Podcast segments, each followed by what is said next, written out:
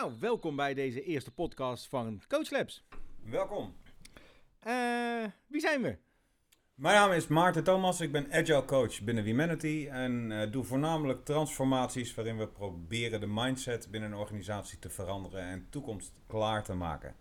En naast mij heb ik zitten Gert-Jan van Gils, ja, ook Agile Coach bij Humanity. Eh, en coach vooral teams en ben aan het kijken hoe we daadwerkelijk mensen anders kunnen laten werken. Ehm, en nou, het, het verrassende, wij zijn allebei niet zo van de theorie, wij doen liever dingen. En wat we vandaag gaan doen is toch een theorie bespreken. Want naast dat wij transformaties doen bij bedrijven, eh, doen wij ook een meetup. Coach Labs, de meetup. Wil je daar meer van horen? Kijk op de website later. Uh, maar daarin bespreken we korte techniekjes die mensen kunnen gebruiken om daadwerkelijk gedrag van mensen te veranderen. Want geloof het of niet, het boekje Scrum geeft echt niet overal een antwoord op. Nee, in zes pagina's staat niet het antwoord op iedere vraag die je hebt. Nee, klopt. Zeker niet. Hoe ga je om met iemand die niet wil? Hoe ga je om met iemand die bewust de boel saboteert en dat soort zaken? Nou ja, en om daar een stukje dieper op in te gaan, uh, zijn er een aantal technieken die wij zijn tegengekomen in onze praktijk. Uh, die, waarvan we merken uh, bij ons goed werken. In ieder geval zo werken dat je een situatie kunt uitlichten en kunt kijken wat er speelt. En een ander in staat brengt om inzicht te geven in zijn keuzes. Eentje daarvan, dat is er eentje die Christopher Avery heeft ontwikkeld, het responsibility proces. Dus wat we met jullie willen gaan doen vandaag is samen door het proces heen lopen in wat is het responsibility proces? Hoe kun je het toepassen? Hoe moet je het vooral niet toepassen? En hoe kun je bijvoorbeeld herkennen of iemand wel of geen verantwoordelijkheid neemt?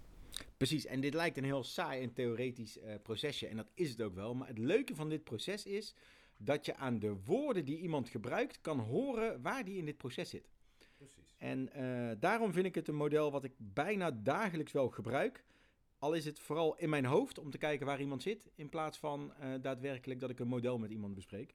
Maar het is uh, denk ik van alle modelletjes die we hebben liggen, onze, een van onze favorieten. Ja, klopt. Hè? Als mensen zijn wij gemaakt om op basis van aannames ons wereldbeeld te vormen. En hebben wij overtuigingen en normen en waarden ontwikkeld om op die manier invulling te geven aan bepaalde situaties.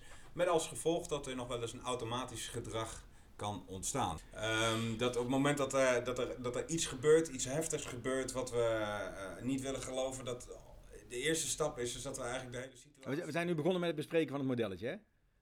Ja. Dus de, de, de, uh, als je dit model doorloopt, uh, wordt eigenlijk gezegd.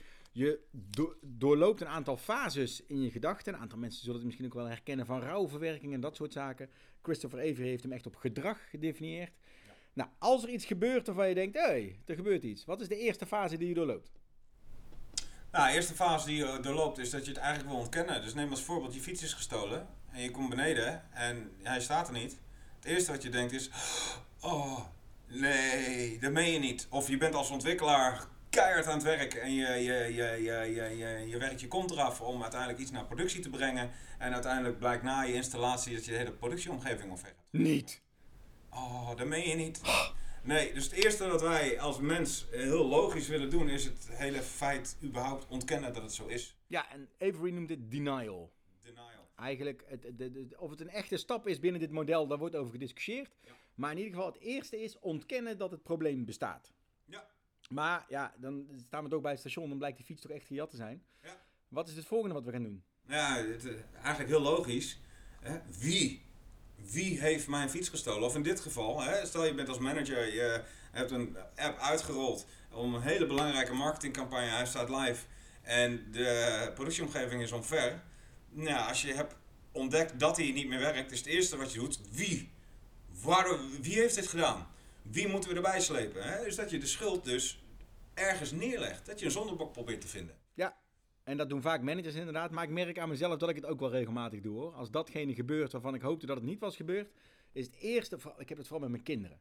Ja? Ja, als er iets gebeurt dat ik dan denk, ah nee, dan ben ik iets kwijt. En het eerste wat ik denk is, nee, nee, nee, nee, dit heb ik niet kwijtgemaakt. Dat is vast. En dan denk ik meestal wel aan een van mijn kinderen. Ja, ja mijn vrouw die komt ook nog wel eens redelijk in. Ja, ja. Uh, Swat, waar heb jij mijn sleutels gelaten? Dus dan leg ik het bij haar neer dat mijn sleutels niet op de plek liggen waarvan ik verwacht dat ze zouden. Ja, ik ben al jaren fervent gebruiker van Tile. Daarmee kun je met een appje sleutels vinden. Dat is een aanrader. Ja. Maar dat uh, geheel terzijde. Maar dan komt er dus het moment dat je erachter komt met... Oké, ja, je kunt iemand wel de schuld geven. Maar wat diegene dus zal doen, is die zal proberen uit te leggen... waardoor eh, hetgeen wat mis is gegaan, mis is gegaan. Dus wat een hele logische stap is, nadat je iemand de schuld probeert te geven... Dat je een ander verantwoordelijk houdt voor het feit dat iets mis is gegaan... is dat je op zoek gaat naar redenen, of anders gezegd excuses... waarom iets een probleem is. Ja, de, de, het meest klassieke voorbeeld in deze is denk ik wel, je komt te laat. Ja.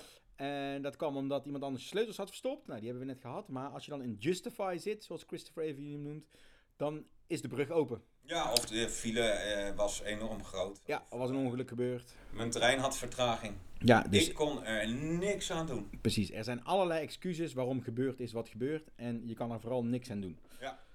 En als we die fase dan gehad hebben, dan komen we eigenlijk in een andere fasering. Dus we hebben ontkenning gehad, iemand anders de schuld geven, eh, de omgeving de schuld geven, excuses Ja. verzinnen. Maar vaak kom je dan ook op een moment waarop je realiseert met, ja, weet je, ik, ik, ik kan het ontkennen. Ik kan iemand de schuld geven of ik kan redenen verzinnen. Maar uiteindelijk heb je zelf best wel een zeg in het hele verhaal. Dus eh, een voorbeeld als eh, je, je trein heeft vertraging. Eh, je had natuurlijk ook eerder kunnen vertrekken. Dus wat, wat, wat, wat er dan gebeurt bij mensen, en dat is eigenlijk wel een heel grappig proces, is dat je in een soort schaamte of balen van jezelf, van oh, het overkomt mij ook altijd. Wat vind ik dit vervelend. Ja, jongen, ik had het echt niet zo bedoeld, maar oh, ik, ik, ja, ik baal hier heel erg van. Ja, Ja, het is zo jammer. En dat overkomt mij eigenlijk ook altijd wel. En eh, ik vind het ook heel erg moeilijk. En uh, begrijp me goed, het, het is heel logisch dat wij als mensen deze stappen doorgaan in ons hoofd. Maar het is wel heel goed om te herkennen dat het inderdaad zo is en waar je dan op dat moment zit. Schaamte kenmerkt zich door heel erg het op jezelf keren en het feit dat je jezelf verantwoordelijk houdt voor het feit dat iets niet goed is geweest. Dat het resultaat niet heeft geleid tot dat wat je wilt. Uh, nemen we als voorbeeld die fiets die gestolen is. In denial. Nee, hij is niet gestolen. Ja, shit, toch wel. Lay blame. Die rotdieven, waarom hebben ze hem meegenomen? Maar ja, justify. Ik had hem natuurlijk ook wel onder de carport gezet in plaats van in de schuur. Dus, oh balen, waarom heb ik dat dan ook gedaan? Oh, wat erg. Ja. Heel vervelend. ja en de, de, uh, dus er is dan wel een probleem. En als je dan die schaamte voorbij bent, Ja. dan kom je meestal wel in een fase terecht dat je... Ja, maar ik moest dit ook wel zo doen. Ik had ook geen andere keus. Precies. Hè, dat je je verplicht voelt. Hè? Ik denk dat de kenmerken, het, kenmerk, het, meest kenmerkende daaraan is, is obligation. Is dat wat je doet omdat het moet, maar niet omdat je dat doet omdat je het wil. Je hebt het gevoel dat je geen andere keuze had. Een heel mooi voorbeeld wat we daar wel eens in gebruiken is mensen die een vergadering weggaan en zeggen: Jongens, ik moet er vandoor, want ik moet mijn kinderen ophalen. Uh, ik wil mijn kinderen ook nooit ophalen. Nee, nee. ja, oké, okay, maar dat heeft een andere oorzaak. ik heb best lieve kinderen hoor. Ja. Ja, wat je daarmee eigenlijk aangeeft is, ik vind het een super interessante vergadering. En uh, nou, door die roplagen, eigenlijk een soort justification ook, heb ik geen andere keuze dan dat ik ze op moet halen. Maar ik was liever hier geweest. Ja. Dat is wat je eigenlijk mij aangeeft. Uh, een manager die zegt, jongens, jullie moeten overwerken, want uh, de app moet live. Dat je voor je gevoel denkt, ik wil eigenlijk naar huis, naar mijn vrouw en kinderen. Maar je baas maakt dat je geen andere keuze hebt en dus gaat overwerken. En dat je dus eigenlijk een soort uh, gevoel van verplichting. Ja, en wat dan, dan ook vaak zegt, of tenminste wat je zeker in series of films vaak hoort, is dat je dan naar huis opbelt en zegt, schat, ik moet overwerken. Ja. Dat is dezelfde als, ik moet mijn kinderen halen, want je durft eigenlijk niet te zeggen, ik kies ervoor om over te werken, want anders ben ik mijn baan kwijt. Ja. Of ik kies ervoor om over te werken, want ik wil ook heel graag dat dit product vanavond live gaat. Ja. Nou ja, de, de, stap die je ook nog hebt, en die, die komt eigenlijk tussen justify en shame in. En er zijn die handjes die je dan in de hoek omhoog ziet gaan met ja, laat maar. Mensen die eigenlijk hun kop in het zand zetten. Die uh, op het moment dat je niet iemand de schuld kan geven of je kunt geen redenen verzinnen, dan kom je eigenlijk op het moment dat je het op jezelf moet gaan betrekken. Dus, oh, shame, uh, het gebeurt mij altijd. Of ja, maar ik had ook geen andere keuze dat mensen de situatie nog wel eens willen ontvluchten. Dat is eigenlijk meer om te voorkomen dat je op de fase komt dat je het op jezelf gaat betrekken of een gevoel van verplichting hebt. Die fase noemen we quit. Dat wil dus eigenlijk zeggen dat je je kop in het zand gaat steken. Ja, gewoon, uh, je ontkent niet dat er een probleem is, maar je kiest er heel bewust voor. Ik ga er ook niks mee doen ook. Uh, jee.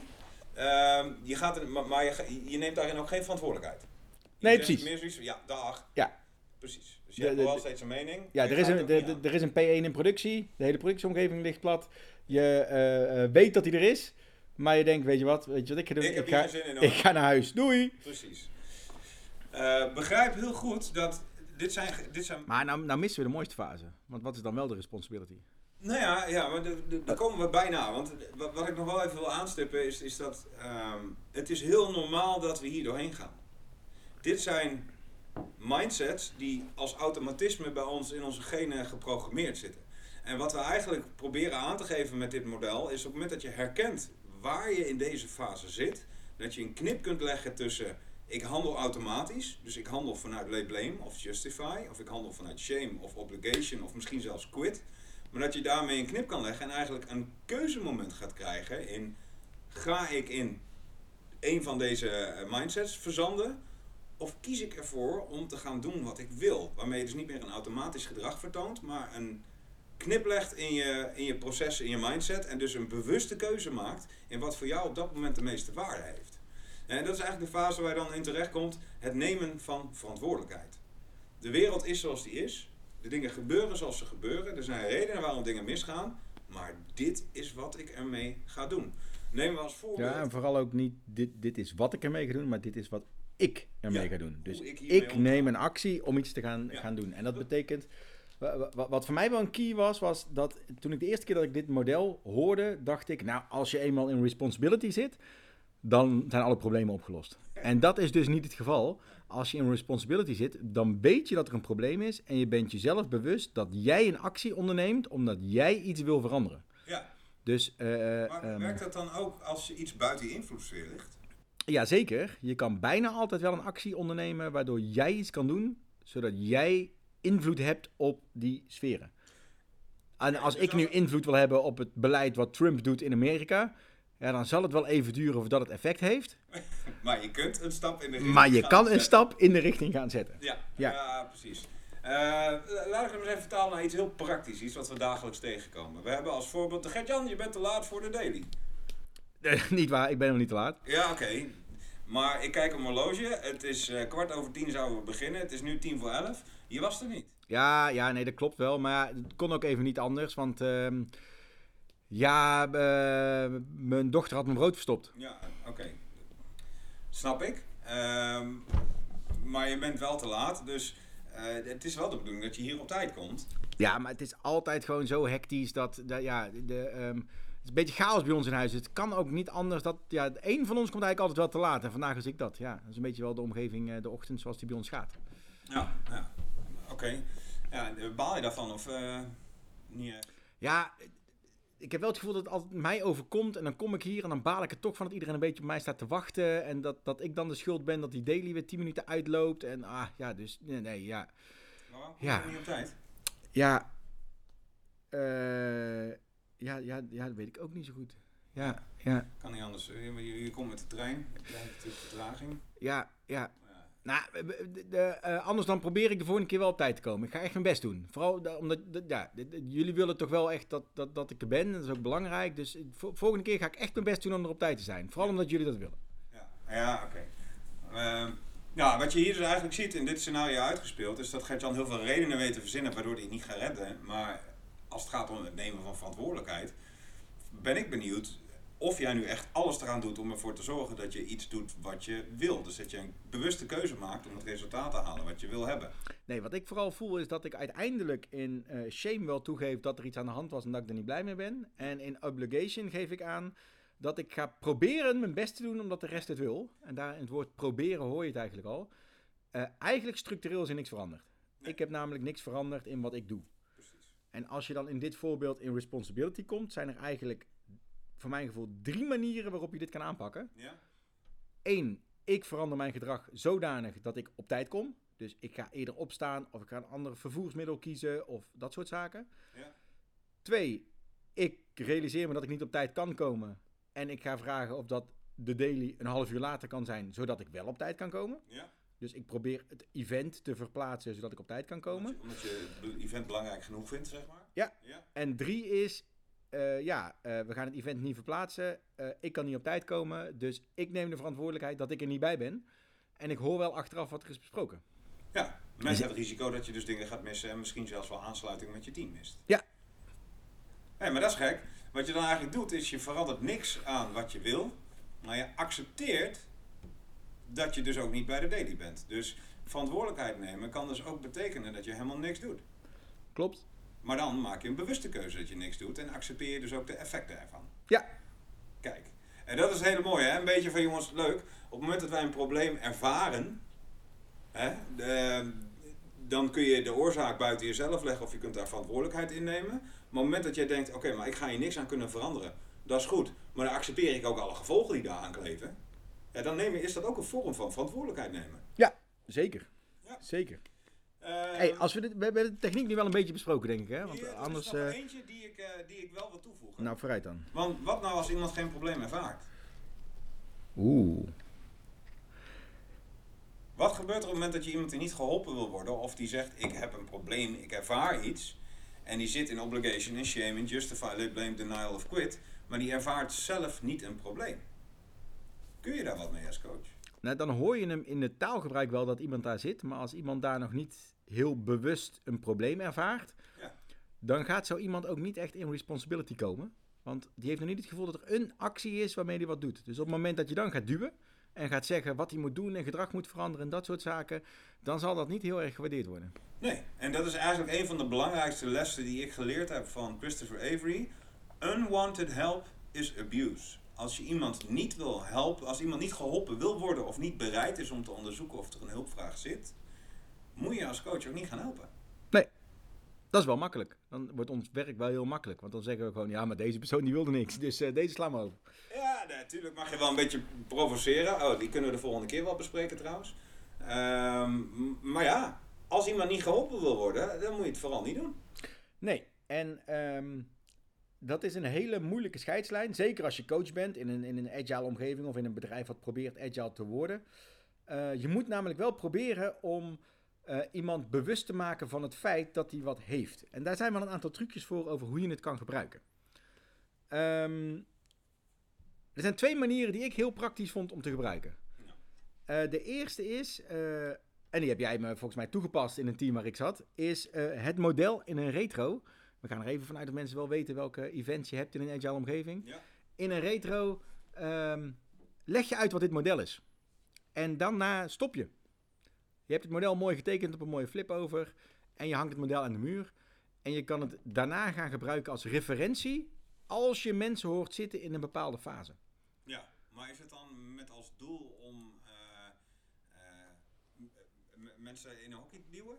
Nee, eh, eh, in een retro probeer je op het einde van de retrospective vaak te kijken welke punten willen we verbeteren en wat, welke concrete acties gaan we nemen. Ja. Wat ik vaak heb meegemaakt is dat mensen vooral acties benoemen, eh, eigenlijk acties leggen bij mensen buiten het team. Ja. En als je dat soort zaken ziet en je hebt dit model uitgelegd, dan kun je mooi gaan kijken, hé, hey, maar oké, maar wat voor taalgebruik hoort nu? Met, bij wie leg je de actie neer? Ja. En zo kun je hem zeg maar wel mensen bewust maken dat ze niet zelf actie ondernemen, geen verantwoordelijkheid nemen, ja. maar dat ze verwachten dat iemand anders de actie neemt. Dus je Of- geeft ze eigenlijk inzicht en Precies. dat ze een keuzevrijheid hebben in... Wordt dit iets wat we iedere retro terug laten komen, dat het zo'n klaagrondje wordt? Of zijn het punten die we gaan aankaarten, Ja. zodat we dit kunnen gaan beetpakken? Ja, en als je dit model dan nadat je het hebt uitgelegd bijvoorbeeld ook op de werkvloer hangt, Ja. dan zie je dat mensen elkaar gaan corrigeren. Hé, hey, maar wat zeg je nou eigenlijk? Ja. Eh, en niet met als bedoeling met, eh, eh, oh, maar je bent er zo een met altijd een pet op zijn hoofd. Nee, maar juist om mensen bewust te maken van, hé, hey, maar ben je je daar bewust van wat je nu doet? Nou ja, en, en die wil ik eigenlijk wel wat dieper onderzoeken. Want eh, we hebben allemaal wel eens van die communicatietrainingen ge- eh, gedaan. Dus eh, MBTI, HBDI, Insights Discovery, Management Drives, Profile Dynamics. En dat zijn van die testen waar kleuren of, of persoonstyperingen uitkomen. Oh ja, ik was geel. Precies. Ehm, ik merk dat ik nu even structuur zoek. Nee, geintje. Eh, maar, dat, maar dat je eh, inderdaad, dat mensen zich gaan herkennen met... hey, dit is inderdaad hoe ik werk, hoe ik klik. En wat de intentie van dat soort trajecten is... is dat je meer inzicht in elkaar gaat krijgen... zodat op het moment dat ik weet dat jij geel bent... ik mijn communicatiestijl kan aanpassen... zodat wij effectiever kunnen gaan communiceren. Het effect van zo'n training is vaak... is dat mensen gaan herkennen... ik ben geel...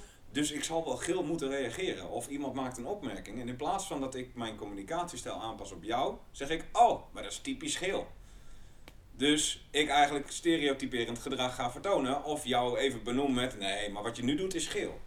Hè, daar ligt ook het gevaar van dit soort modellen. Op het moment dat je herkent dat iemand in lay blame, justify, shame of obligation of een andere fase zit, dat je niet zegt, ja, wat je nu doet is een ander de schuld geven. Dat kan niet, hè? Maar dat je leert als coach, hey, herken ik waar iemand zit en welke vraag kan ik nu stellen zodat ik iemand bewust maak dat hij wel degelijk zelf een keuze heeft. Dus op het moment dat iemand een lay blame doet, dat je kunt zeggen, jeetje, wat vervelend wat je dat, dat je dat zo ervaart. Zijn er stappen die jij bijvoorbeeld daarin zou kunnen zetten? Ja. Met als gevolg dat iemand die in lay blame blijft hangen, je hem naar responsibility trekt om te kijken of hij daar zelf actie op kan ondernemen. En daar ligt denk ik de kracht die wij hier als coach hebben om te kijken, herken ik bij een ander waar die zit en kan ik hem nu een vraag stellen waarmee ik hem bewust maak dat hij daar zit, maar ook een stap kan zetten om zelf verantwoordelijkheid te gaan nemen. Eens, hele goeie. A- ander punt wat ik wel wil eh, voorkomen, zo heb ik hem zelf namelijk in het begin ook wel eens ingezet, is dat dit het magische toverstafje van Harry Potter is. Ja. En dat je zegt, oh ja, maar eh, wat heb je er zelf al aan gedaan? En dat je er, wat heb je er zelf al aan gedaan, gebruikt om mensen in responsibility te krijgen. En eh, dit model geeft inzicht in waar mensen zitten. Eh, als coach kun je dit gebruiken, wat Maarten net aangaf, om de juiste vragen te stellen.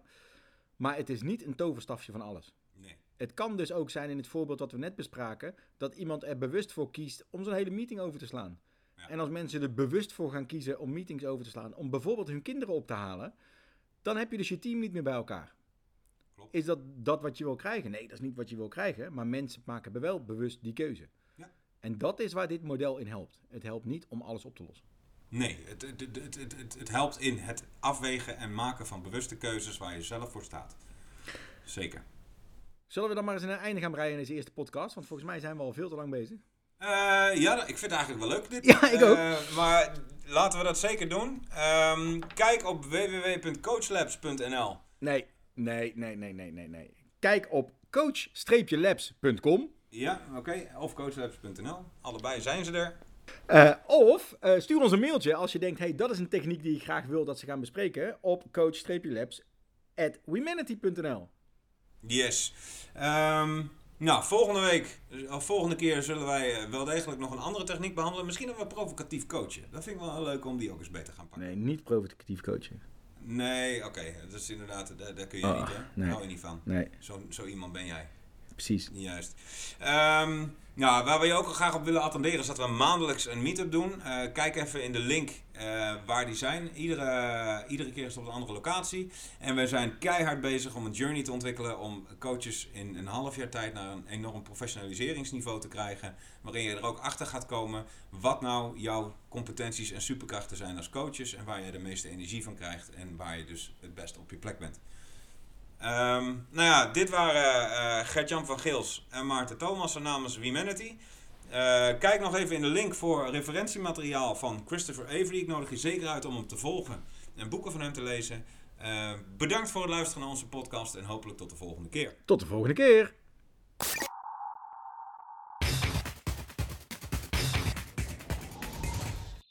Deze podcast wordt mede mogelijk gemaakt door Wemanity Nederland. The best place to grow.